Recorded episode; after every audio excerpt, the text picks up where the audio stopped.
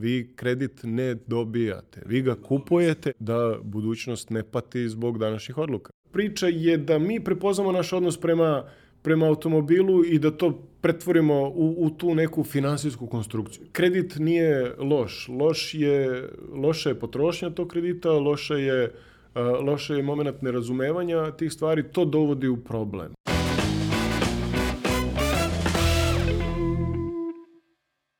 Dobrodošli u još jednu epizodu podcasta Auto priče polovnih automobila. E, gledamo se na YouTube kanalu polovnih automobila i slušamo se na svim audio platformama. Kao što znate, ovaj podcast realizujemo uz pomoć i podršku G-Drive-a. G-Drive je premium gorivo koje odlikuje proizvodnja po najvišim tehnološkim standardima. To je gorivo koje će pobovećati zapravo snagu vašeg motora, poboljšati performanse vašeg automobila i svakako zaštititi sve komponente sistema za gorivo. U ovoj epizodi naš gost je Dušan Uzelac, urednik portala Kamatica i pričat ćemo malo o tome kako to izgleda kupovina automobila na kredit ili na leasing, šta su tu, da kažemo, neke zamke, odnosno na što treba obratiti pažnju i šta je u krajnjem slučaju bolje za vas. Dušane, dobrodošao u naš podcast. Hvala na pozivu. E, ja ću predložiti da budemo na ti, pošto se znamo zaista dugo. Naravno. Zapravo imamo samo nekoliko gostiju do sada sa kojima sam bio na vi, prosto ovaj, zbog da li pozicije ili zbog toga što se ne znamo toliko dugo, tebe poznajem poprilično dugo. A, da onima koji eventualno ne znaju šta je to portal Kamatica, da te predstavimo ovaj, na kratko koliko dugo postoji kamatica i čime se sve bavi. Uf, koliko imamo vremena. pa idealno da trajimo oko sat vremena. da.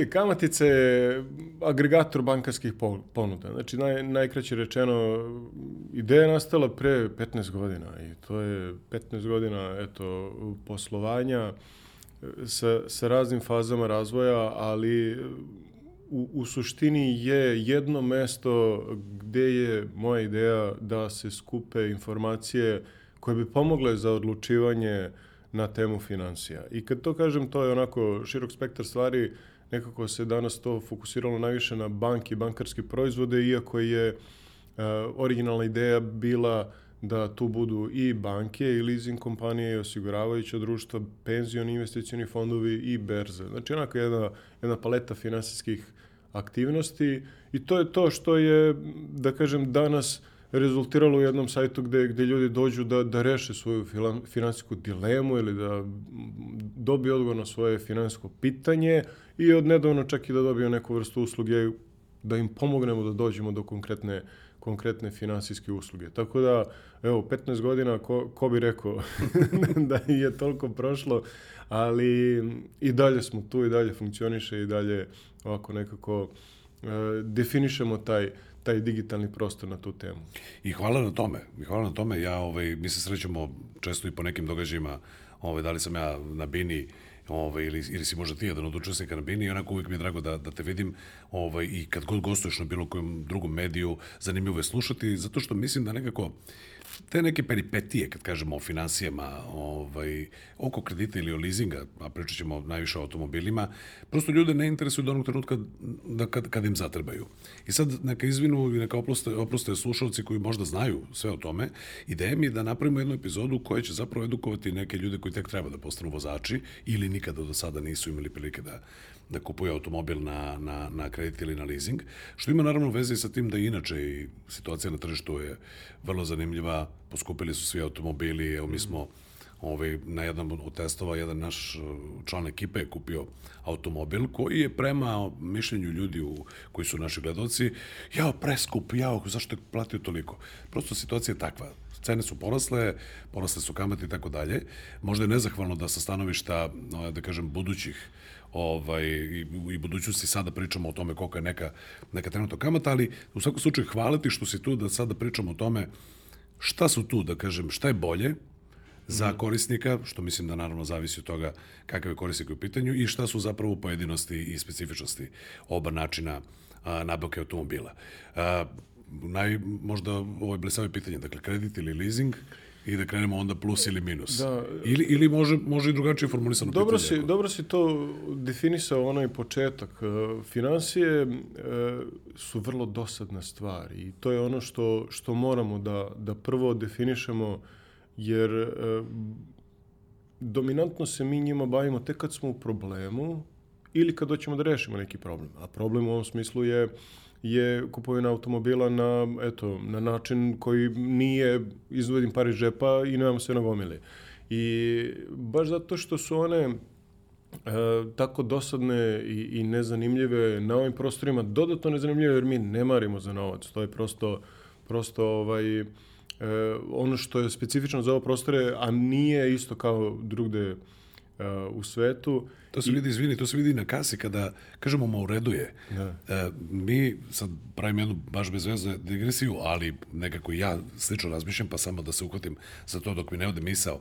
Dakle, ta činjenica da kao ja, mi u kafani, znaš, ja pa kao obrnemo turu, a znamo da kažemo da druge kulture, tipa ja, hladi Nemci ili Slovenci ili ovi tamo negde. Oni su u šoku kad dođe ovde. Da, oni kao, ja, čekaj, oni, znaš, kao samo plaćaju svoje. Ja sam nedavno bio u Sloveniji, čovjek prilazi šanku i kaže, lahko platim samo svoje. Da li mogu da platim samo svoje? To je potpuno normalna stvar. Dok Da, da, mi smo da, navikli da, ma u redu je. Ja malo- sam u Americi živeo i radio i ovdje sam prisustvovao, znači ono kada sedi 10 ljudi za stolom i, i dođe račun i ovaj uzme račun, pogleda, aha, stavi šest novčanica od po dolar, 5 dolara ili ne znam ja koliko je on popio i da u krug. I to je to. I to ide u I to je potpuno normalno, Ja nema sam bio, blama. ja sam kao u pozorištu bio, onako, kao sam gledao komad neki, rekao, šta se ovo dešava? Znači, potpuno u neverici. Ali e, nismo mi neispravni, to je ono što je jako bitno da, da se kaže, zato što e, uvek, uvek sa te strane neke, neke zapadnjačke dođe neka informacija, vi to ovako i to onako. Ne, ne, to, to je naša kultura, to nije nekultura. To je naš način odnoša, odnosa prema, prema novcima koji su ispod vrednosti života. Sad sam malo ušao u, ovaj, u fiziku, ali više vred, u metafiziku, ali više vrednujemo vrednujemo život i iskustva nego, nego taj novac, što je na, na, na zapadu koje, koje je jedno um, dominantno individualističko društvo, tamo je ono, svako za sebe i, i svako vodi svoj račun, svako svoj račun i plaća, sve je, sve je u dve decimale definisano. Ovde čak, čak i ovde ovako dosta smešna situacija, ta finansijska, koliko, koliko smo mi neprecizni. Mislim, na nivou države taj račun se, se vodi, mi dan danas gajimo te decimale na svim računima, to niko u životu nije vidio te novčiće zadnjih Tako je. 30 godina. Nemam Postoje samo ja. na papiru, da. A da ne pričamo o tom momentu od koga smo i kre- krenuli malo ovako sa strane, da kažeš u redu je ono kao metal, metal ne skupljam. Znači, to je prosto uh, neki naš, uh, ne mu kažem odnos prema novcu, koliko odnos prema nekim drugim stvarima koje su, koje su vrednije od toga. E, Upravo to, izvini na digresiji koju sam napravio, ali e, da se vratimo samo na to. Dakle, mi zapravo ne interesuje nas te financije, to je dosadno, to je zamarujuće, odnosno generalno ne brinemo o novcu. Jeste. E, kada dođe trenutak da kao, e, ja bi sad, hteo sam da kupim auto ili vreme da kupim auto ili uštedeo sam nešto pa hoću da kupim auto ili moram da kupim auto, onda dođe do toga, šta sad ja da radim? Čekaj, da li kredit, da li leasing? Posebna podkategorija, možemo i time da se bavimo, je da li ozbiljno čitamo to što, sve što piše tu. Pa onda kad dođe do, do povećanja kamate ili nešto poskupi, pa čekaj, ovo nisam čitao. To, često te slušam ovaj, i gledam kako to kažeš, kako ljudi generalno to ne čitaju, to njih ne zanima. Aha, Krediti u. Srbiji se uzimaju religiozno. Znači, pomoli se i potpiše. Znači, on ne čita. Znači, on se pomoli da će sve biti u redu Valjda i će biti potpiše. okej. Znači, I u najbro, najvećem broju slučajeva stvarno tako i bude. Uh, finanski alati koji svaki drugi. Znači, sad kao koji svaki drugi. Znači, kredit i leasing su finansijski alati. I ono što je tu jako bitno da, da razumemo jeste da ne smemo na to da prenesemo naš odnos prema novcu zato što time rukovodi ona druga strana koja to odobrava. Znači, ili banka ili leasing kompanija odobrava taj, taj aranžman i e, kada to razumemo, shvatit ćemo da, da tu nema, u redu je tapšanje po ramenu, sve će biti kako treba. Oni to gledaju kroz Excel, odnosno postoji nešto što je, se zove znači, risk. Čak, čak i to je toliko depersonalizovano. Znači, oni, sve te institucije imaju imaju uhodanu tu prodajnu priču da to malo personalizuju, pa je to neka lepršava osoba na frontu koja će vam, koja će vam dodati olovku, pokloniti olovku, dati tu gomilu papira da, da potpišete, udobno vas smestiti, sve će to biti prijatno, ali vi ne sarađujete, ne sklepate sa, saradnju sa njima, sa tim osobama koje, s kojima komunicirate, nego sa institucijom koja je u onom papiru definisana. I to je ono što, što onda od vas Uh, to jest obavezuje vas da podignete viši uh, nivo, odnosno da podignete nivo ozbiljnosti na viši nivo. Odnosno da budemo na, na nekom nivou pažnje, čekaj, ja sad pričam ovde sa jednom finansijskom institucijom. Super mi je ovaj prodavac. Tako je. Dakle, ja sam skoro bio sa, sa, sa majkom, radi se o nekom kreditu za polovni automobil. Prodavac, ne govorimo o prodavcu automobila, mm. prodavac u banci. da, da. Nasmijan, divan, sve super, ništa mi nismo loše prošli. To je bilo to, mi imamo da, potrebu, sve su mi to proučili. Ali, upravo to što si rekao, dakle, ti ne se ne dogovaraš sa tim tamo nekim peromikom ili žikom, nego Čak sa... on ni ne odlučuje o vašem kreditu. Nego on je to tu da više. ispriča, mi imamo na rafu taj taj proizvod, toliko i toliko kubika, konja, znači šta god da je, da je terminologija za taj proizvod, u ovom slučaju kamatna stopa, ročnost, sve te, sve te tehničke stvari, vi kažete da, da to mi se sviđa, ali mogu ja da apliciram za to. Znači, čim kažete aplicirate, uh, tu pokrećete proces uh, druge strane da oni provere da li vi to možete da uradite. Znači, to je ono što je razlika u odnosu na kupovinu bilo kog drugog proizvoda. Znači, vi, uh, da se razumemo, prvo kredit kupujete, ne dobijate ga. Dobija se ono što ne mora da se vrati. I to je jasna terminologija. Znači, dobija se poklon. Vi kredit ne dobijate. Dakle, vi ga nema, dobio sam kupujete. kredit, ja sam kupio kredit i ono što je jako važno, dakle, kamata je cena njegova. Dakle, cena i uh, vi ga u stvari plaćate obećanjem da ćete ga vratiti. Znači onaj papir koji vi potpišete je obećanje na osnovu koga oni mogu vama da izdaju taj novac. I, i to je mehanizam koji, koji je u pozadini. Znači vi ga kupujete, čim ga kupujete, uh, shvatite da vi ćete tu cenu platiti, znači vi ćete zaraditi taj novac u budućnosti i e, dobra je mentalna vežba da, da, da, da shvatite da u stvari vi pozajmljujete od sebe iz budućnosti. Jer to je vaš novac iz budućnosti i budući ja se zadužuje da bi današnji ja vozio. kupio nešto, vozio auto. Šta god, jasno. Tako da to je, to je jako bitno da, da razumete da ne biste ukanalili budućeg ja. Jer je to ono što, što je najčešća, najčešća onako a, impulsivna priča svakog ko kupuje nešto na, na kredit na odloženo, jeste da ja danas budem srećan. E, nije to ništa pogrešno, samo eto, tu ima i taj dom, doza odgovornosti koja mora da se uh, uspostavi, a to je da budućnost ne pati zbog današnjih odluka. Tako je. Odnosno da se to uradi pam- pametno. Ja sam ovaj, u pripremi ovog podcasta, odnosno prema što smo seli u ove stolici, ispričali neki moji lični primjer i vratit ćemo se na to kako mm. sam, ovaj, budući ja se ovaj, obrodovo današnjeg mene ovaj, sa nešto opremljenim automobilom. Ali hajde da pričamo ovaj, pred, prego što pređemo možda na te lične primere o tome sada kredit ili leasing. Uh, što, su, što bi bile osnovne razlike? Kada pričamo o automobilima, uh, kada pričamo o leasingu, onda je taj auto je zapravo tuđe vlasništvo tokom trajanja mm. tog aranžmana odnosno taj budući ja, ovaj, odnosno sadašnji ja samo koristim, jel tako? Jeste. I to tako stoji na papiru. Jeste. Međutim, kada je kredit u pitanju, tada je da. situacija malo drugačija. Ovako, znači, najveća razlika između kredita i leasinga za, za kupca je to što uh, je vlasništvo različito. Znači, u momentu kupovine na kredit, vlasništvo je vaše. Znači, vaše auto, vaša odgovornost, možete raditi s njim šta god želite, uh, nemate nikakve ograničenja, jer je vlasništvo vaše.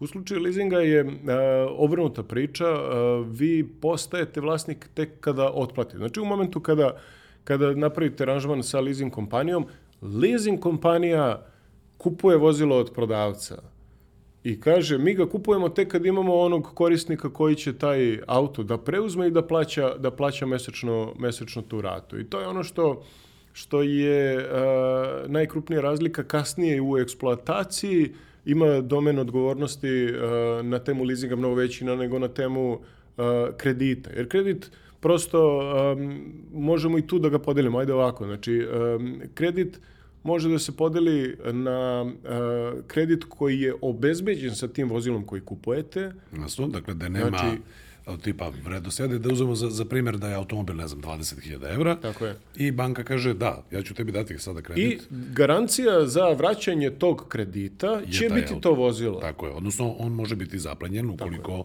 ne plaćamo kredit. Ne može biti zaplenjen, nego to je pravo preče, preče, preče prodaje. Znači to je nešto, ne, to je ručna zaloga. To je u stvari ona hipoteka kada je u nekretninama vi kažete evo vam garancija stan da ću vam ja vraćati kredit. U ovom slučaju to se zove ručna zaloga evo vam za garanciju automobil koji kupujem kao garancija da ću ja vraćati to vozilo. I onda banka e, najčešće kaže dobro, ok, ali ako mi imamo um, kao garanciju neki predmet, mi moramo da budemo sigurni da se ti o tom predmetu staraš adekvatno, jer ta vrednost koju taj predmet ima u slučaju a, naplate, mi želimo da to potraje. Znači, ne smeš ga, ne znam ja, slupati. Odnosno, niko ne može da kaže ne smeš ga slupati. Možeš ga slupati, ajde, to je stvar već, već ovaj, e, nekih okolnosti, ali e, u slučaju tome mi želimo, mi, mor, mi očekujemo da ti e, moraš to da osiguraš, da osiguraš kasko, da osiguraš potpuno, da osiguraš na ovaj način, da osiguraš sa ovim sredstvima zaštite. Znači, sve su to neki uslovi koje banka definiše da bi pristala na, na taj aranžman, da bi uzela taj kredit kao, kao zalog. I to je ono što, što deli te kredite. Druga opcija kredita je evo ti pare, jedina garancija će biti, ne znam, uh, administrativna zabrana uh, i, i, i ne znam, ja, menica i... Ili žirant, recimo. Žirant, znači nešto što nije vezano za sam predmet, tada je to onako čistija priča, to je na nivou cash kredita. Vi kažete, ja bih da podijem kredit, ban, banku ne interesuje šta ćete vi Sa tim parama, da kupite da, s tim novcima, vi ovete na prvi plac, kupite auto i auto je vaš. Znači, eksploatacija auta kreće kako treba, kako god želite, a, a automobil nije vezan za banku, ni, ni za kakav a, razvoj situacije, možete odmah sutra da ga prodate. Dok kada je on sredstvo neke zaloge, ne možete ga prodati a, bez pitanja banke, zato što je on, taj predmet je garant vraćanja vaše kredita i to je ono što možda nekome komplikuje situaciju, a možda nekome onako, ni ne komplikuje, sve e, kreće od toga šta ste odlučili da kupite, na koji period hoćete da, da, da rešite transportne probleme, da li je to uh, automobil koji će vam premostiti ne znam, par godina ili će to biti automobil koji će zadovoljiti vaše potrebe dok, dok ga ne saranite, ono što se kaže. Ili, ili recimo automobil koji služi za posao, Tako odnosno je. koji će vratiti na neki način deo novca. To pogotovo ako je, ako je on već neki, neki predmet uh, investicije, tu, tu često građani uh, ne uspevaju adekvatno da, da rasporede šta je investiranje, šta je trošak. Znači, ako kupite za lične potrebe, to je trošak 1 kroz 1, ne može to da nikad napravi novac. Znači, investiranje je ono što pravi novac. Znači, ako je automobil u nekom domenu angažovan da napravi novac, to je neki transport, da li je automobil, da li je pick-up, da li je kamion, da li je kombi, nešto što pravi novac, onda to može da se podvede pod investiranje, jer u celoj toj računici onda može i da se prosto napravi i, i onako analiza kada će taj novac biti isplaćen. Ja imam ovaj, tu sad, pre nego što pređemo sada na to koliko se razlikuje leasing, ovaj, a ima tu jeli, par, par tih nekih stvari važnih, a, da dam lični primjer, dakle ja koristim automobil koji, koji posjedujem u lične, ovaj, u, kao lična upotreba, međutim ja tu posmatram i kao posao, zato što me često posao odvede na neki drugi kraj zemlje, mm gde treba da, da radim neki, neki događaj ili da nešto vodim i prosto smatram da činjenica da ja mogu samo napred da, da upalim auto, a pozadije da sam se pogorivo, mm da to koliko toliko nov automobil, da ne razmišljamo o održavanju u smislu da li je sve ok, ja to posmatram i kao moje sredstvo za rad. Drugim rečima, on je, njemu je, da kažem, pomešana pomešana svrha. Dakle, to jeste lično porodično vozilo, ali je isto tako i sredstvo za rad. Ni, ne vraća aktivno novac u smislu da... To je, da, da. Odmah ti kažem, to su sve muški izgovori.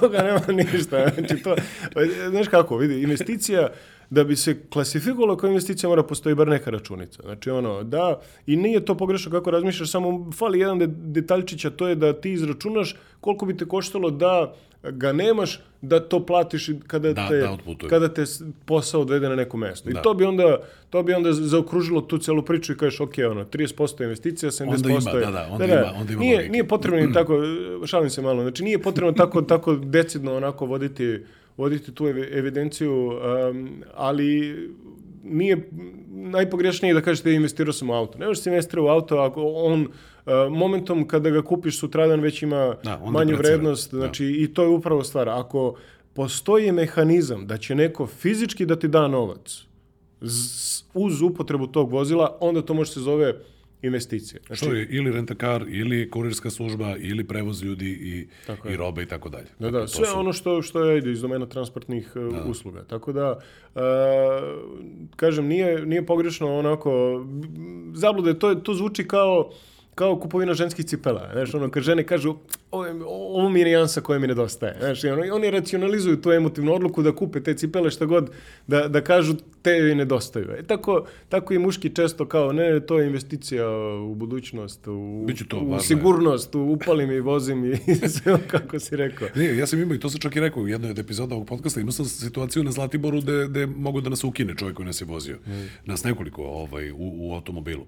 I ja prosto, ne samo od tada i pre toga, 99,9% slučajeva kada ja negde putujem posla radi, ja se vozim sam ili po, eventualno povezam nekog.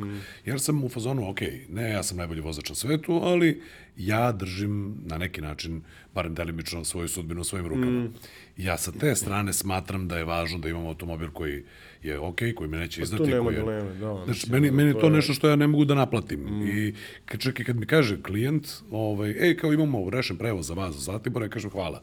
Hoćete ja da povezam nekoga. I ja to negdje i uračunam, da kažem, u, u, u cenu svog ovaj, angažmana, zato što je to za mene stvar koja je prosto nema cenu. Daš, nisam, bio sam u neprijatnoj situaciji, jednom ne želim da, da to doživim ponovo. Dobro, dobro, Tako da, da kod mene, znaš, to nije Excel, ali postoji ta neka emotivna da, da, komponenta. Da, da vratimo na onaj početak finansijski. Znači, i ovo sve što pričaš jeste ono što, što možda smo propustili da kažemo. Novac i služi da kupimo komfor života. Znači, i svakome je taj komfor života e, ima različite oblike. Nekome je automobil prevozno sredstvo od tačke A do tačke B, ne treba mu ni, ni, ni klima, ni, ni ono električno spuštanje automobila. Nekome je to onako komfor e, druge kategorije, znači ima potrebu, ima, da kažem, i neke, neke te li- lične emotivne potrebe da to bude tog tipa, tih e, voznih karakteristika, da može da prevaziđe neke, neke terene, znači da, da na kraju kraja bude, bude i određene boje, zašto da ne? crveni Mislim, ja kabrio. Crveni kabrio, to je. Mi- Ja sam taj. ja, sam, ja sam kupio auto ko žena. Znači, ono, išao sam da kupim crveni auto i nisam stao dok ga nisam kupio. Znači, dan danas vozim crveni automobil. Znači, ono, Koji auto u pitanju? Honda Accord Type S. Opa. 2.4, 200 konja, skoro Opa, 200 konja. vidjet ćete uskoro to je potpuno, potpuna emotivna odluka i, i sad onako Hondisti će se oduševiti, ono, zato što je to mala, mala sekta, ali ja sam tu pronašao onako automobil Sve što ti je trebalo. svih mogućih ono voznih karakteristika, estetike i svega onoga što što ovaj e, zadovoljava tu tu neku potrebu i, i to je automobil koji najveći problem sada imam zašto bi ga zamenio Da, situacija na tržištu je malo čudna. Prvo, koliko šta košta i drugo, šta je to što, će naći, što ćeš naći, ako ćeš naći, što bi ti ispunilo I već sam imao situaciju tu, ja imao sam i drugi automobil koji je novije generacije, znači ono 2020. godište, prodao sam ga. to nije bilo to. znači nije bila opcija da se proda Honda ili ova, nego ovaj, ovaj novi se prodao zato što a, ima tu i druga priča, ono što mnogo, to što je većina već na neki način doživljava, to je da, da se ta cela industrija promenila. Ne samo automobilska, automobilska a, je jedna od mnogih, ali vi nemate danas veš mašinu koja traje 30 godina. Ne postoji. I danas nemate akumulator koji traje duže od mjesec dana od roka trajanja, od roka garancije. Dakle, kako zna? Znači, biznis modeli su se tu promenili i to je ono što, što a, tačno pravi jednu, jednu um, kako bih rekao, generacijsku razliku između automobila do koje godine su to bili automobili, kako ih mi onako romantično zamišljamo da... Pamtimo i volimo Da, da, i očekujemo. Ja sam nekoliko puta rekao i u, i u epizodama, dakle, autotestova, bio nam je tu i, i Mirko Rašić, neovlašćeni, koji je to eksplicitno rekao. Do, ne znam, 2000 i neke, Mm. to su bili automobili ovakvi, onakvi. Posle toga oni više nisu takvi. Naše očekivanja su ostale ista, automobili su se promenili. Pa to je onaj neki naš, e, gajim neki romantičan pogled na, na celu tu priču, I, ali evo ja iz mog iskustva, stvarno evo, mislim, automobil koji, koji je prešao 200.000, koji, koji, koji vozim, kome tražim manu, ne bi li ga zamenio. Jedina onako danas falinka, falinka, mislim, ono, ne bih baš da šaltam taj, taj menjač po gradu prečesto, pa, pa mi nedostaje malo automatika, ali onda se javlja sledeće pitanje, pa dobro, ali zašto da ga zamenim? Da, nemaš, nemaš u stvari adekvatan odgovor, nećeš dobiti sve to što si, što si možda imao u ovom automobilu, koliko će to da košta i pitanje koliko će da traje. I ono, novo ne znači uvek bolje. I, i iako, iako tu postoji onaj taj miris novog vozila i cela ta, cela ta priča oko te, um, da kažem, um, emotivne, e- emotivne, onako zabavne zabavnog momenta i nema tu ništa pogrešno, ali uh, promenili su tu industriju, promenila se industrija, uh, prosto ekonomija proizvoda je zamenjena ekonomijom navika i to je ono što, što, što mnogi ovde ne razumeju. Na, na zapadu su tu dan, davno instalirali ceo taj model. Kod nas je još onaj loading, onaj deo.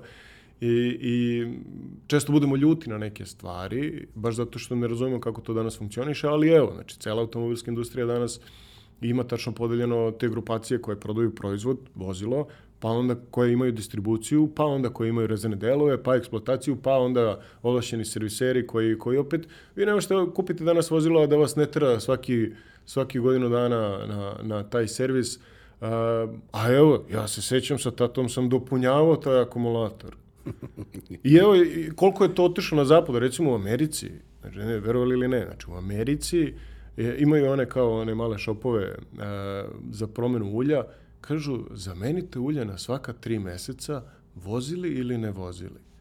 To je baš I neobično. sad ono kao neko ko, ko bi, ko, ko iole razume, da kažem, klip, menjač, e, ulje, karike, da. znači ono, ja sam sa tatom radio generalno na, na, na Škodi našoj porodičnoj kad sam bio mali, pa, pa sam ono, i video ceo motor i sve, sve to ono jasno, na kraju krajeva tehnički, svaki muškarac razume taj motor, u, u, kako funkcioniše i kada ti neko kaže menja na tri meseca, ti kao, pa zašto?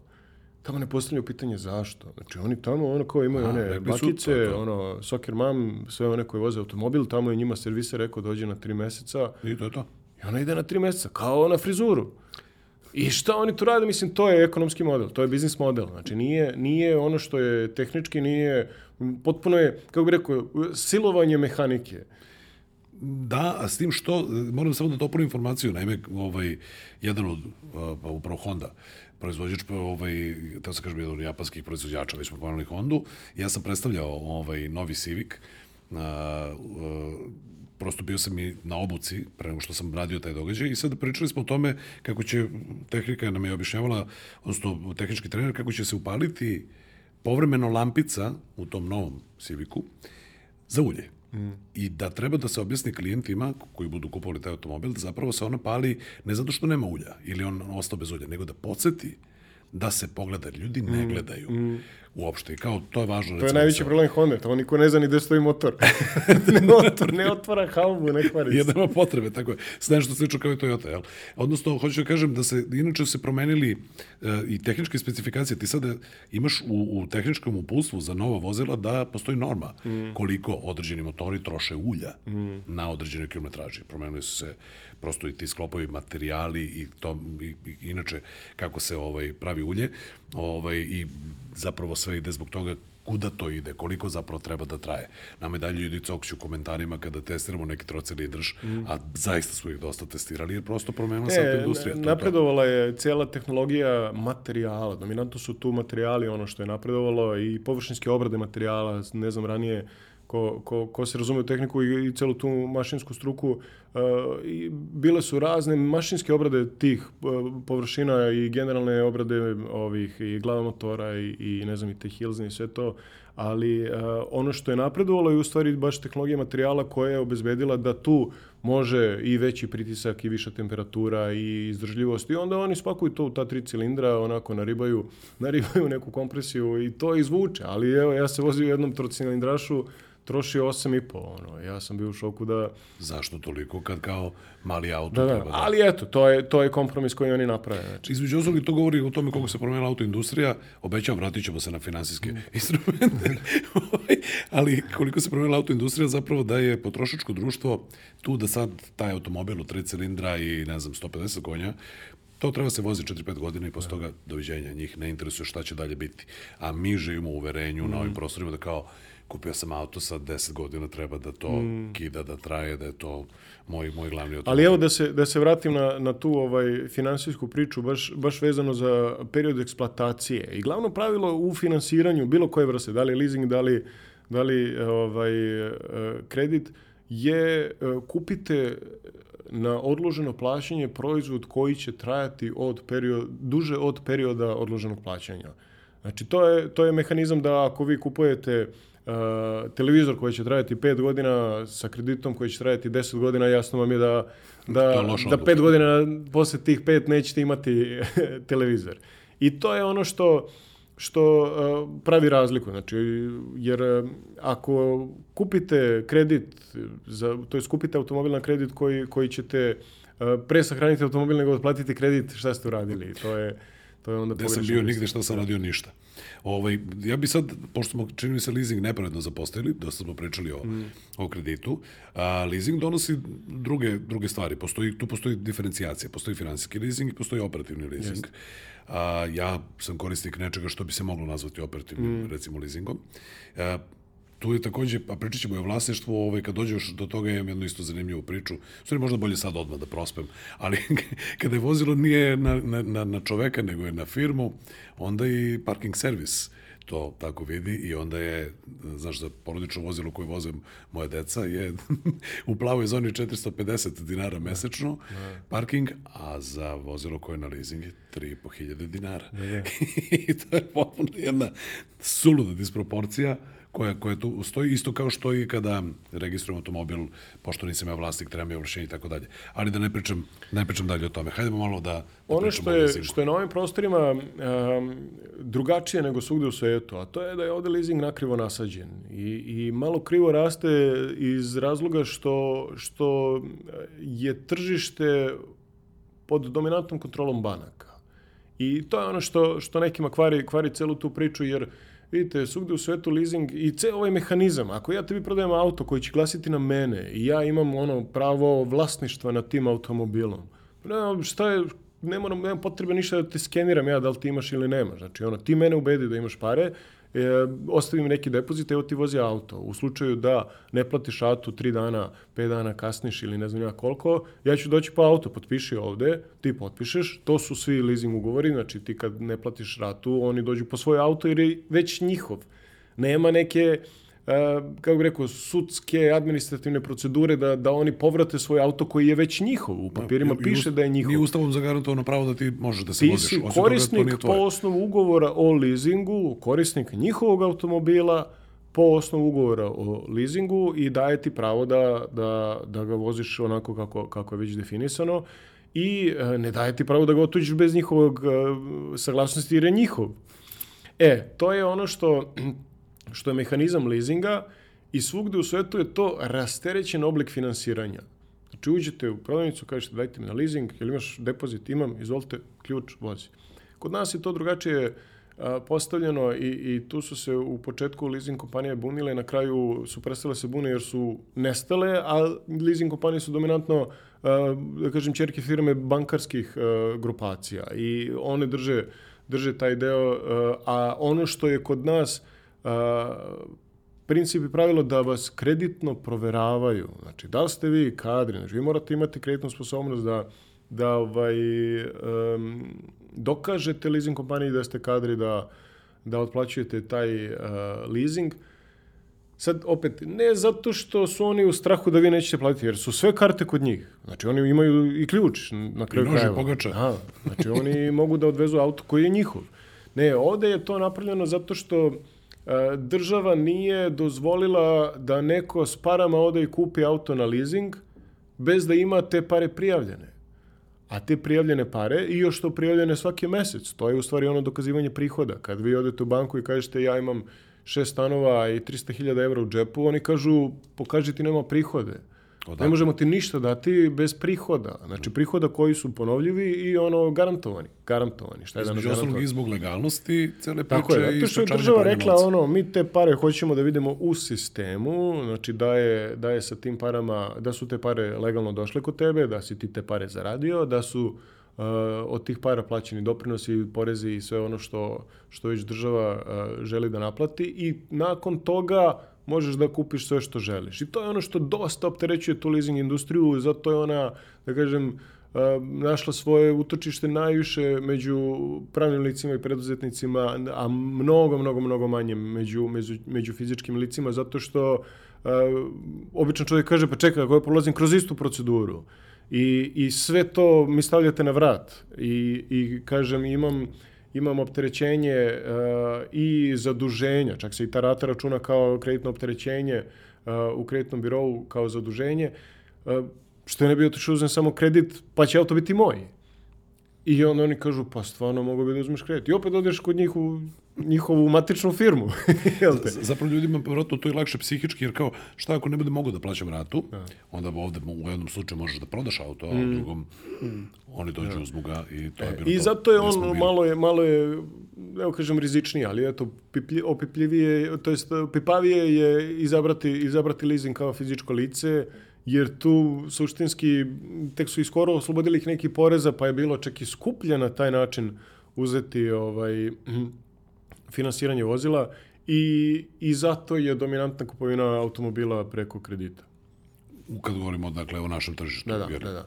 Okay. S tim što leasing, kažem, ima praktične stvari iz domena preduzetnika i, i pravnih lica. Zašto? Zato što one stvarno tamo se knjiže i rasknjižavaju. I to je neki bilansni moment koji koji a, razumiju svi koji se bave financijama u, u pravnim licima, u, u, u firmama. Jer Um, ako je stvarno sredstvo za rad, kupit ćemo ga kao sredstvo za rad, a onda ćemo ga dati na korišćenje kao, kao privatno vozilo, pa ćemo rešiti jednim udarcem uh, dve stvari. Znači, I uh, neće nam to opterećivati uh, neku stranu na, na bilansu, nego ćemo to prikazati kao trošak kada, kada otplatimo ceo, ceo taj leasing, je, odnosno amortizaciju vozila preko, preko firme, onda ćemo moći to i da prodamo, tu se možda i nešto nešto zaradi. Znači, tu postoji, da kažem, jedan... Postoji, postoje nijanse, šta, šta hoću kažem, za one koji možda nisu vični, možda ne razumeju o čemu pričamo. Dakle, ako, na primjer, govorimo o dostavnoj, o firmi koja se bavi mm. dostavom, koja će kupiti 10 automobila ili 5 automobila na leasing, ona može da ta vozila prikaže kao osnovno sredstvo za rad mm. i na taj način da odbija i porez Tako je. Na, na, na to što ovaj, se dešava i da je to se zapravo knjiži samo kao trošak. Tako je. Dakle, to je kao da je kupio toalet papir za firmu. Mm. Samo što je mnogo skup toalet papir, ali taj toalet papir pravi, jeste, ali mislim, pravi, to je, pravi, pravi pare. Što, što u suštini jeste ono čime se firma bavi, znači tako, i cela tako. priča. I sad, u celoj toj paleti proizvoda leasing kompanija je narasla i još jedna iznad uh, kategorija uh, leasinga, to je taj takozvani fleet management, gde oni uh, na neki taj, to je polu finansijski, polu, polu taj tehničko automobilski, uh, tehničko automobilska usluga gde, gde oni kažu daj mi dostavno vozilo taj taj model, komada 14 za firmu i oni kažu izvolite 14 komada, mesečno stiže faktura za 14 komada, a kompanija nema apsolutno nikakve, nikakve obaveze s tim, nikakve obaveze po pitanju čak ni zamene guma, letnjih u zimske, zimske u letnje, niti obaveze a, registracije vozila. Znači, to je kad dođe taj moment, dođe osoba iz te, iz te kompanije, otera auto na, na tehnički. Znači, oni su,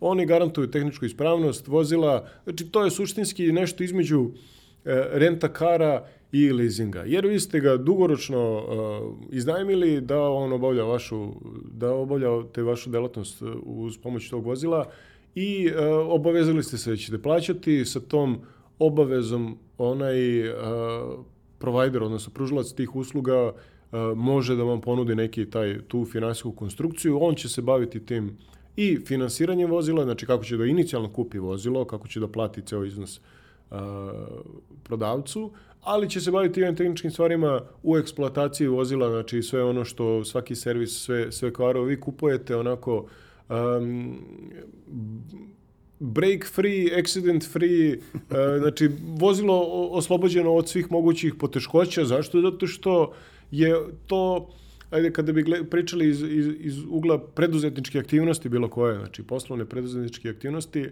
vaš fokus treba da bude na zarađivanje novaca i to je ono što, što vam ovi omogućavaju. Samo se ti bavi tvojim delatnošću, mi ćemo, uh, mi ćemo da se bavimo uh, mašinerijom. Da li ste kupili strug ili automobil, nešto što vam pravi pare i što vam, što vam rešava problem, uh, postoji služba koja će, koja će to održava, vaše je samo da, da se bavite vašom onom originalnom delatnošću. To je zapravo, i to se zaživjelo, čini mi se, vrlo na našem tržištu i ja bar poznajem nekoliko ovaj, ljudi pa i, pa i firme koji se time bave ili koriste usluge na neki način, a to je upravo to, da dakle firma ne želi da razmišlja da ima nekog svog čoveka koji bi se bavio time ili da garantuje... Pa kad imaš logistiku koja, koja ima, ne znam, ono, 600 automobila, 300 vozila, 400 komercijalista, 50 kombija, mislim, onda e, ti za to prvo treba da obezbediš, ne znam, e, ozbiljan prostor, halu, mehaničare, zamene ulja, znači sve je to ozbiljna logistika koja te odvlači od od, da kažem, one tvoje originalne delatnosti,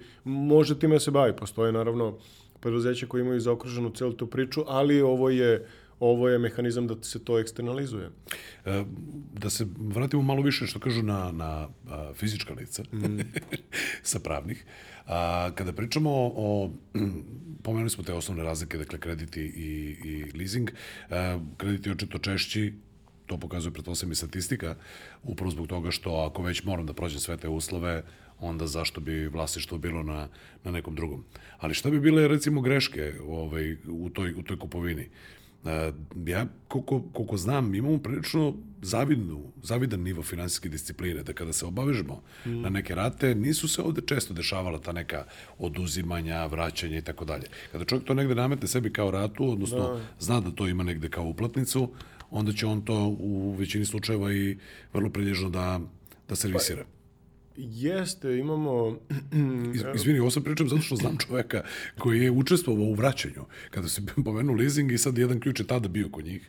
Sada više to i nije toliko mm. slučaj.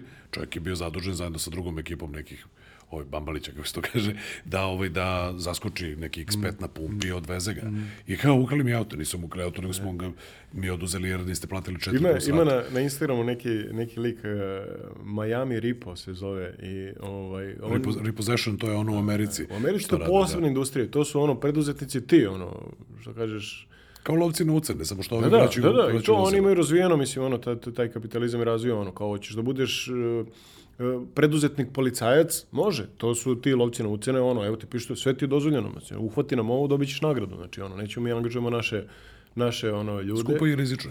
Skupo i rizično, upravo tako. I ovo je cela industrija, taj repossessioning koji, koji tamo je čak e, privatizovan i ovaj pauk servis. I, I oni imaju one, to su oni što samo mali, samo ne znam koje ime. On nije pauk, nego one samo izvuče, izvuče ovaj, prednju točku i zadnju točku i otera auto. I cela, tu, tu ima, on, on kači 10 klipova dnevno, znači on toliko ima posla i to ovi koji ne plate ratu, baš, baš je taj mehanizam. Šesti dan ne platiš ratu, uh, auto je naš. Samo je pitanje kad ćemo te upecati da, da dođemo po njega. Znači ima pravo da dođe na tvoj drive ispred kuće, da, da odvuče auto, ima pravo na, na benzinskoj pumpi, da ima, ima svako pravo jer auto njegov. Absolutno njegov, tako. Auto je pred zakonom njegov, nikoga neće ni pitati, nemaš ti nikome da se žališ, nemaš policiju da zoveš, znači sve su karte... Ovo je neovlašćena upotreba. Tako je, znači sve je tu već potpisano, rešeno, ali Ali su reakcije tih ljudi koji kada vide da dolazi on, pa to je fenomenalno. Oni se bacaju na automobile, pokušavaju da, da, da siđu sa toga. To ima komičnih snimaka, da. to sam ja video, ovaj, da, svašta ne Ali je, meni je fascinantno koja je količina tih ljudi. Znači, to je potpuno drugo društvo. Šta, šta je razlika upravo kod nas i kod njih? A, tamo je lakše dobiti sva ta finansiranja. Znači, lakše je doći do, do da i i samim tim je, e, ne preispituje se ta finansijska odgovornost, da li će vratiti ili neće, samim tim je i veći broj onih koji, koji kažu, ma, platit ću sutra ili neću ni da im platim kad će me nađe ili što god da je, da je već onako u njihovim glavama. A kod nas je već to drugačije zato što ima ta preselekcija koja se zove kreditni biro, administrativna zabrana, FT1P, znači ono, svi papiri, krvna grupa kum da, da garantuje da si to ti. Znači sve ono što, što prolazi i to onako diže, diže e, u nama celu ideju odgovornosti e, za preuzetu obavezu. I da ne pričamo o tome e, o, o tim problemima koje možda se da upadneš i niko, niko ne želi to da mu se desi mislim da ode da sipa gorivo i da mu se odveze auto i niko se niko se ovaj sa time ne bavi na, na, na taj način, zato je statistika kod nas uh,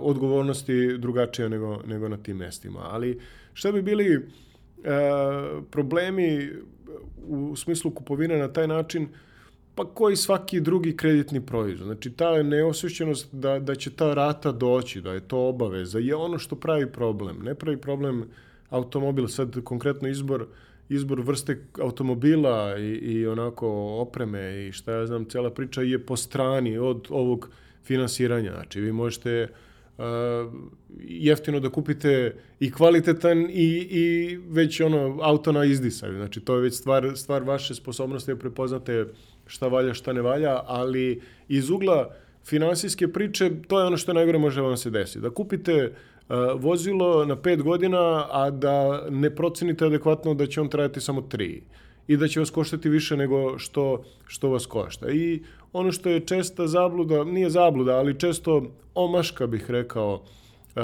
da se ne uzima u obzir uh, moment transportnih troškova. Znači, to je kategorija troškova. Nije to samo cena automobila. Znači, cena automobila je onako karta koju platite da uđete u Ali kola. imamo održavanje, imamo gorivo. Imamo gorivo, amortizacija, znači, znači ako hoćete već da se bavite financijama, e, možete, nije to ni tako strašno, ni, ni komplikovano. Svi misle da je to za to potrebno neko veliko znanje, nego samo onako napravite jednu misalnu vežbu e, koliko će da vam traje automobil, za koliko ćete da ga prodate, a, da li marite da na njemu, da, da mu čuvate vrednost ili onako, ja imam stav, kupio, kupio sam ja njega, ne on mene. Znači, ne, ne, ne štedim ga u tom smislu. Održavam ga, pazim ga, to je odvojeno od onoga. Znači, kad, kad mi treba, ja ga koristim, mislim, ono. I, I to je ono što, što opet je i individualna kategorija. Neko ne izvozi automobil kada pada siga, sneg. Tako je. Ili na kišu, recimo. Ja tu mislim ono, ja nisam taj tip, ne mogu da zamerem ni tim ljudima koji, koji, koji se tako odnose prema automobilima, a, a ja imam i drugara koji ono, kaže, perem auto kad god pada kiša. Ja, ja sam recimo, izvini sad opet digresija, ali na mom automobilu, kad sam primetio pogrebotinu neku koju mi neko napravio namerno, manju srećom, to je bilo onako, znaš, malo para na uši. Sad moji ukućani kao, pa, mi smo njega kupili, nije, nije on kupio nas. Da, ali mi ovo smanjuje dodatnu vrednost. Kada ga budem prodavao, ja ću to ili morati da zafarbam, ili ću morati da kažem Jest. budućem kupcu, pa dobro, vidi, ovo se desilo zato što je gradski ožijak. Nije to ništa strašno, ali osim što je deprecirao kad sam ga izvezao iz salona, znači svaka, svaka stvar koja se Ali evo, ti si odradio tu mislenu vežbu, znači ono kao, već ga imaš, služit će te, nisi se venčao sa njim, nije pogrešno i venčati se ono, ovaj, sa automobilom, ja ne znam da li ću ikad prodati ovu moju Hondu, znači ono, ostaće, ostaće sinu, a ovaj, Bravo. ja ću već zameniti za nešto drugo, kada, kada izgubi, ne znam, upotrebnu vrednost, ali e, svako individualno za sebe to definiše. Neko stvarno kaže, kupio sam magarca da ga teram tri godine, ne interesuje me da li je žut, zelen, crven, znači ono, da li, da li mi se smeju ili mi se ne smeju, šta me briga, znači ono, neko, neko tako gleda automobil kao prevozno sredstvo, neko gleda kao statusni simbol, ni to nije ništa pogrešno, da odmah kažem, pritom, um, kada, ako već se prepoznajete u toj priči da, da imate neki željeni automobil kao statusni simbol, gledajte da to bude vaš statusni simbol, znači da bude unutrašnji statusni simbol, da to bude ono štiklirano, e, ovo je za mene ono kao osjećaj, znači ono da Častio sam se ili se tera tako malo više da tako bolje je. radim. Da ne bude to, ne znam, za, za spoljnu sliku i za slikanje to onako često često ima neki bumerang efekat da, da, da posle nekog vremena shvatite da vam ne čini e, radost kako ste očekivali da će vam čini. Ali ovako kada je to interno, e, to ću sebe da počastim, tu, tu nema ništa pogrešno. Ja sam na kraju krajeva tako i motor kupio. Onako, Pa, rešio i kupio, ali e, cela, cela, kažem, priča je da mi prepoznamo naš odnos prema, prema automobilu i da to pretvorimo u, u tu neku finansijsku konstrukciju. Ne mora da to bude neki plan, ali eto, to, tvoj, tvoj plan je recimo dobar primjer. Kupio sam automobil, aha, za šest godina ono, izduvaće mu se e, u mojim uslovima upotrebna vrednost. Zašto? Poželit ću nešto bolje, lepše, brže, komotnije, komfortnije, manje, sportskije, kabriolec, kriza srednjih godina, što god je ono. I um, prodaću ga. Znači, čim ću ga prodati, znači ono, ok, čuvat ću ga i zbog sebe i zbog tog momenta prodaje, da ne bi on izgubio neku vrednost. Sve što, sve što mu se čuje, odmah ću da rešavam da ne, ne eskalira i ne znam ja koji su već odnosi. I tu već onako imaš neku ideju kako ćeš i da se obhodiš prema, prema vozilu i, i koji, je, koji je onako tvoj cilj sa tim vozilom. Znači, možeš onda da i pretpostaviš neku cifru, nećeš biti nikad 100% tačan. Znači, tu nema greške. Ne, ne, znači, to ne može. može niko da predvidi. Ono, da li će, ko, ko, ko bi mogao da kaže da, da će da skoče cene polnih automobila i novih automobila uopšte zbog inflacije, zbog svega što se dešavalo.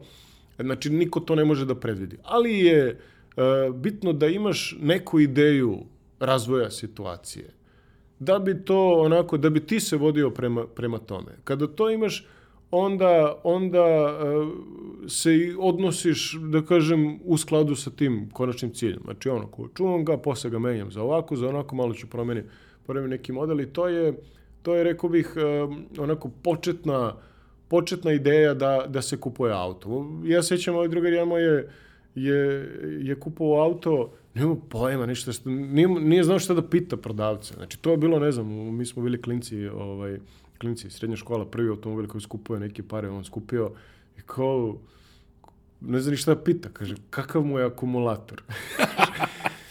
I ta prva kupovina je ono, vozila da, da ga gurneš u Savu, recimo. Znaš, da, ono, da, da, znači, da, to ko ne zna ništa o automobilima. Kasnije se možda razvije neka, neka, neka ono, ljubav prema brendu, ljubav prema, prema nekoj karakteristici, prema, prema nečemu, prema brzini, prema komforu, šta god da je.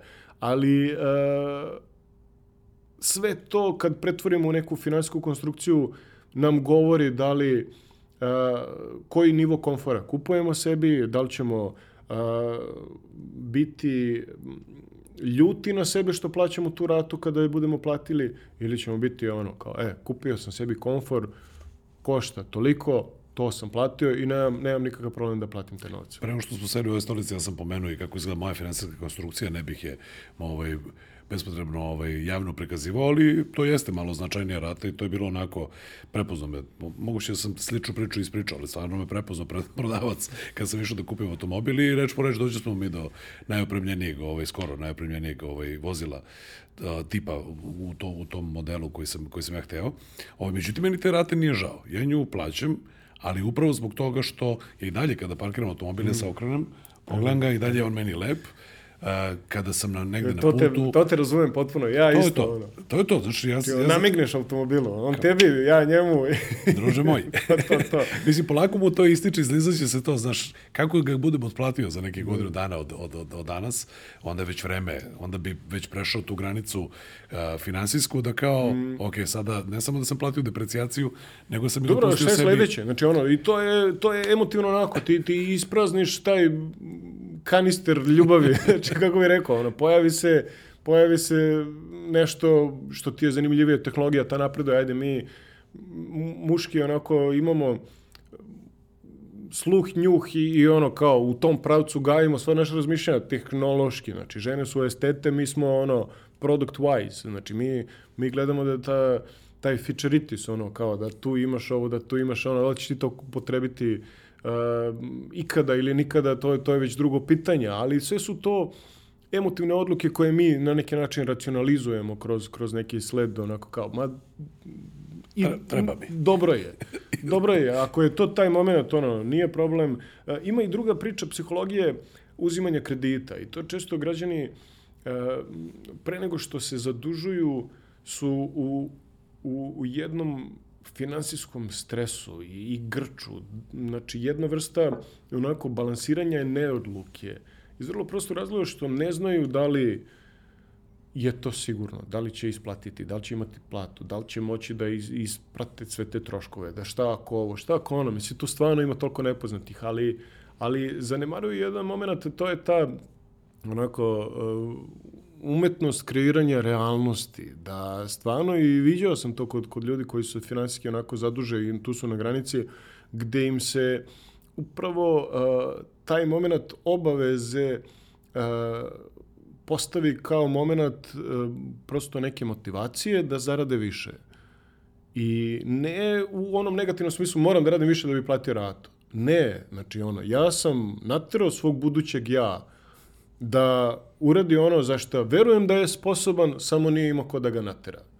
I to je ono neki, neki e, mehanizam gde koristi banku uh, kao posrednika koji napravi aranžman između budućeg ja i današnjeg ja. I kažeš sam sebi, ma čoveče, mogu ja to, znam ja da zaradim novce, imam potencijal, ali ništa se ne dešava. E, ali kad dobiješ ti obavezu da, da ti calneš 300, 400, 500 evra mesečno, ti onda ti se probudi malo taj mehanizam u glavi. Pa, Neko mora ovo da zaradi. pa mislim, nije, nije lako na Balkanu reći ne mogu ako si muškarac. I onda ti se, kako bi rekao, probudi se malo neki, neki crvi i poterate. Znači, ti se ne prija, ne prija, ne prija. Najčešće budeš ljut u početku. Posle shvatiš, pa ja ovo mogu. I stvarno, stvarno ima raznih sudbina i kažem, uh, nijedan uh, kredit nije loš. Loš je, loša je potrošnja tog kredita, loša je uh, loše je moment nerazumevanja tih stvari, to dovodi u problem. Znači, promjena finansijskih navika je nešto što je obavezna stvar sa bilo kojim vrstama finansiranja. Znači, evo kako, kaka je recimo, držim i neka predavanja na temu ličnih financija, pa kad, kad, kad pričamo o finansijskim alatima i o kreditima, eh, jedna misalna vežba je dobra, a to je da eh, kad kažu koliki kredit da uzmem, uzmi onoliki kredit eh, da ti rata bude onoliko koliko ti ostane na kraju meseca nepotrošeno. Znači, ostane ti na kraju meseca 20.000 dinara, tolika rata da ti bude.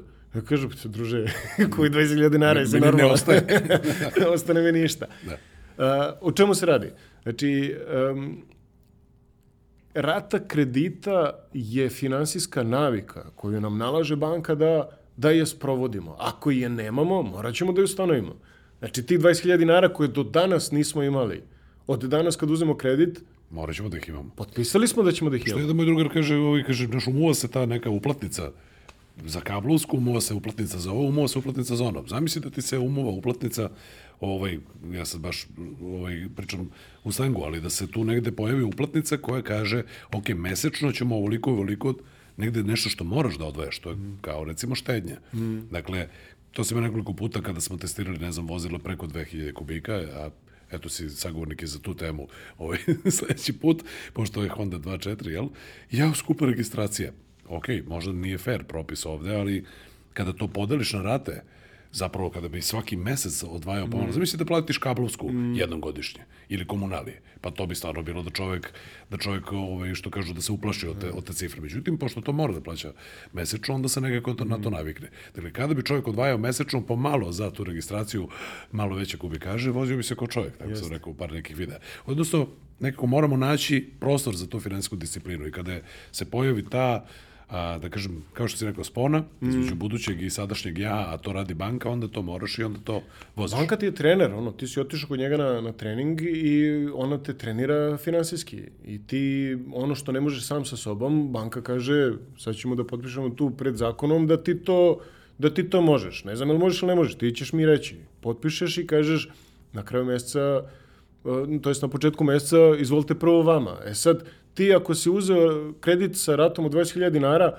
to je 20.000 uh, nečega što nećeš potrošiti. Pa ti izaberi šta nećeš potrošiti. E, onda vidiš kako ćeš da se skupljaš i širiš. I, i dobra je, recimo, vežba svako ko završava kredit da nastavi tu ratu da, da otplaćuje. Znači da je otplaćuje ne banci, nego da je uplaćuje sebi. Zašto? Kako Već sam je mogao ono, bez, ovih, bez ovih para mesečno? naštelovo je svoj mehanizam. Jer da. to je današnja, današnja borba modernog čoveka u smislu financija je jer borba između želje i potreba. Egzistencija više nije na stolu, nije to problem. Nema čoveka koji ne može da, da sebi napravi hranu, da se prehrani i da se sakrije. Da se sakrije od kiše. Znači, samo ima ljudi koji to, kako bih rekao, ono, žele da rade u gradu, u, u novim farmerkama, sa, sa novim telefonima, sa novim automobilima i to je ono što, što pravi, pravi tu nemir i u stvari nam svaki dan pred očima stavlja kao šta sve ne mogu. Šta sve sebi ne mogu da priuštim. I to je onda ono što pravi nelagodu, pravi, pravi neki finanski stres i to je, da kažem, ono, finanska edukacija to, to rešava, rešava jedini način da, da, to, da to rešite je, kažem, ta, ta neka onako uh, finansijska edukacija da razumete šta ne razumete, da to što ne razumete ono sami sebi pojasnite jer kada kada stanete na finansijsku vagu i shvatite šta imate i šta nemate, mnogo lakše odlučujete šta sebi možete priuštiti, šta ne. Kad je pregled situacije dobar i kad se vidi plus i minus. ako postoji Ferrari, ne znači da svi možemo da ga imamo. Tačno. A neko doživljava to kao ja bih da to imam. Pa mislim, postoji mehanizam i da se dođe do toga.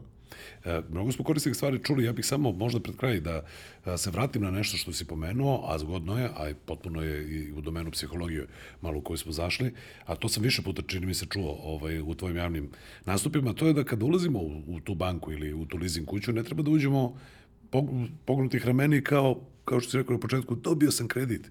Nisi dobio, ti si korisnik toga, ti si to kupio, odnosno treba malo čovjek sa malo više dostojanstva da uđe u, u, i da pažljivije gleda te uslove i da pažljivije bira. U ostru može i preko kamatice, jel tako? jeste. Da pogleda, da uporedi, da uporedi te stvari. Dakle, e, obično se obratimo ovaj, na tu stranu kad nemamo tog nekog novca i onda kao, ma daj, samo da ja ovo, treba tu biti hladne glave. Šta je- Kako se to postiže? Kupovina kredita je negativni emotivni proces i nelagodan je. Sam moment da ideš kod nekoga tražiš pare je već neprijatan. Sam moment da čekaš da neko odluči da li ćeš ti da kupiš auto ili nećeš je već neprijatnost. Ti si kontrolu svog života predao drugome. I, I čekaš da se to što pre završi. I to bankari znaju. Znaju zato što ono, jednom kad uđeš kod njih ne izlaziš. I to je razlog zašto uh, ljudi ne idu od banke do banke. Sve završi prvo zato što je to ko odlazak kod zubara. Znači, to, to boli, neprijatno je, oni zvukci su neprijatni, sve je neprijatno, unutra želiš samo da miriše onako neprijatno, samo želiš da izađeš. I ovaj me već zna Da. i on mi je radio ove zube, Tako je. neka nastavi da mi uradi, ajde, on će mi uradi kečeve. da, da, sve, pakuj. Ali e, iz tog razloga ljudi e, onako ne obraćaju pažnju na, na, na tu finansijsku konstrukciju koju, koja, im, koja im je potrebna za lakši prolazak kroz celu priču, e, već jedini cilj im je dajte mene pare što pre, bre, da se ja emotivno onako obradujem kupovinom tog proizvoda automobila. Da ja sedem u taj auto, daj da ti potpišem sve što hoću. Ono, A svakako ću se- ratu morati da plaćam i majde stati. Jest. To je, nećemo par Pomili procenata. se, potpiše, kaže, ode ja da vozim. I, kažem, nije to pogrešno koliko, um, ako to prođe sve kako treba. Međutim, ako dođu i budu ljuti, kažu, zove me banka da, da platim ratu, nemam ratu, jel smeju da me zove to, ono, javljaju nam se i tako građani, kaže, ne sme on mene da zove, bre, pet puta dnevno da, da traži. Što, druže, jesi pozajmio pare? A mislim, čije su? Ono, kao, jel bi ti zvao neko ko, ko ti kaže daću ti pa ne da? Znači, sad ima tu onako uh, gorka pilula, ono, sudar sa realnošću. Ti si potpisao tamo, ta odgovornost potpisa je, je tvoja i um, kada to sve onako složite unapred i uh, kada shvatite ono što smo rekli malo čas, da su to tvoji novci iz budućnosti, da ćeš ti te novce zarađivati svakom ratom i da ćeš ti to otplaćivati i da ćeš ti raditi na tom poslu da zaradiš te novce, onda je stav da budeš e, onako viš, veći zaštitnik tih novaca, da dobiješ maksimum za svoje novce. Tvoji su novci i to jeste ideja. I e, zato je dobro napraviti celu konstrukciju. Kažeš, ja hoću kredit od 22.000 dinara na 6 godina. Šta možeš da mi ponudiš? Ne, tu nema kamate, ne, ne, ne moraš da razmišljaš u, u stopama, interkalarnim, nominalnim, efektivnim. Znači, Ja imam uliko mesečno, Znači, iz ugla svog razumenja, tu nema, nema nikakvih stručnih pitanja ni, ni, ni bankarske tehnologije. Ako pristaneš na njihovu priču, onda ti oni prodaju nešto. Ti ideš samo da kupuješ. To je razlika u odnosu, znaš. Znači, ti kažeš, koji na autoplacu, ne ideš tamo da ti on priča, ne znam, o, o ventilima, o sicevima, o bregastoj duploj i ne znam ja čemu, nego ti kažeš, bre, meni treba konfron auto, da je sa klimom, da ovo, da ono, ako to ne, ne, ne rešiš sa sobom, on će ti prodati kombi. Kad kreneš sa ženom na more kombijem, ona će te pitati šta si okupio čovječ. ali kako sve možemo da spakujemo. Tako i, i u bankama, recimo, često hoće ti prodaju kombi. Znaš, oni kažu, meni treba 5000 evra da kupim kredit, da kupim uh, auto. Oni kažu, što ne biste uzeli 8? To se meni dešavalo. Znači, da, To da je njihov nutka- prodajni trik. Da, nutka ono, me banka da uzem, da uzem to kredit za, uvek za rade. firmu, šta Znači, će oni su, oni su prodavnica koji svaka druga. Tako je. A kad uđete unutra, on će vas pita još nešto, kao i u, u McDonald'su. Hoćete i pomfrit uz to, o, a što ne biste uzeli kreditnu karticu, pa što ne biste poveli ženu i ona hoće sigurno kreditnu karticu. Znači, oni su prodavci, morate ih razumeti. Nemojte biti ljuti na njih, samo ih razumite. Ali onda shvatite da ste vi kupac. A kupac bi trebalo da je glavni. I kupac za svoje pare mora da bira šta on hoće. Ako ne razumete šta kupujete, onda će vam prodati. U restoranu, kada pitate šta vam je, šta vam je u ponudi najbolje, uvek će vam ponuditi ono što stoji tri dana. I, I sad ajde, možda nije tako, ali, ali to, je, to je analogija. Znači, u banci uh, jedini interes je da vam prodaju. Znači, oni nisu tu da pomognu vama da vi dođete do automobila. Oni su tu da naprave profit koji oni u marketingu spakuju da je to neki proizvod koji vama rešava neki problem. I um, kada taj mehanizam razumete da vi ćete imati odgovornost da plaćate tu ratu, onda gledajte da vam rata bude onolika da vam ne poremeti nikakve finansijske navike koje ste imali do tada. Znači, da idete na more kako ste išli, da trošite na moru kako ste trošili, da kupujete, ne znam, garderobu, sve ono što, što vam čini finansijski život, da vam ne naremeti uh, i ne pokvari ta nova odgovornost od plaćanja rate bilo koju drugu priču. Jer tada kredit boli. Znači, kredit boli kada vi morate da nešto uradite i da se odreknete nečega da biste platili ratu. Ako to niste već izračunali na vreme, onda, onda će tako i biti. Bićete ljuti što morate platiti ratu, ali niste ljuti što platite ratu, nego što nemate za ratu. A što nemate? Pa zato što ste kupili ono što ste do, do prošlog meseca kupovali kako ste i želeli. Pa što se dovoljne? Pa niste izračunali. I to je, nažalost, onako, e, gorka pilula, e, financije su ograničen resurs, ako ne upravljamo njima i damo a, upravljanje drugima, dozvolimo da oni upravljaju, oni će upravljati svojim financijama, ne našim. Oni će nama prodati nešto. I uzet će deo tog kolača našeg za sebe. Tako da, najbolja ideja je, kažem, najbolje redosled je da vidite šta vam ne opterećuje financije, šta vam ne opterećuje život u, u komforu na koji ste navikli da živite, i uh, da se to upak, upakujete, najbolji kredit je onaj koji neosetno otplatite.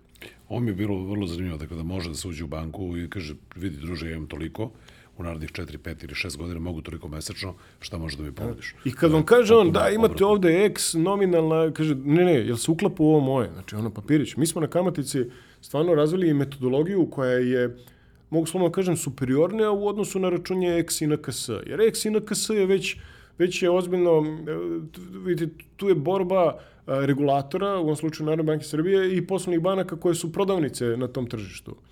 I oni taj X i NKS matematički šteluju da na tom billboardu bude što efikasnija. I kad vidite na billboardu, kad vidite na billboardu onu gomilu onih slova, vidite da je ta kamata namenjena za, ne znam, Zdravka Čolića i Novaka Đokovića, a za vas važe neki drugi uslovi koje ćete saznati posle ne znam, petog dolaska u banku, kada vam već neprijatno da idete u drugu banku. I to je taj taj mehanizam koji se ono rinse and repeat. Znači, dakle pažljivo pažljivo pročitati, pažljivo čitati i da u, imati u glavi ideju da čekaj ja sam ovde kupac i ja ovde pokušam ovaj da kupim najbolje za svoje pare. I niste pare. nikada glupi.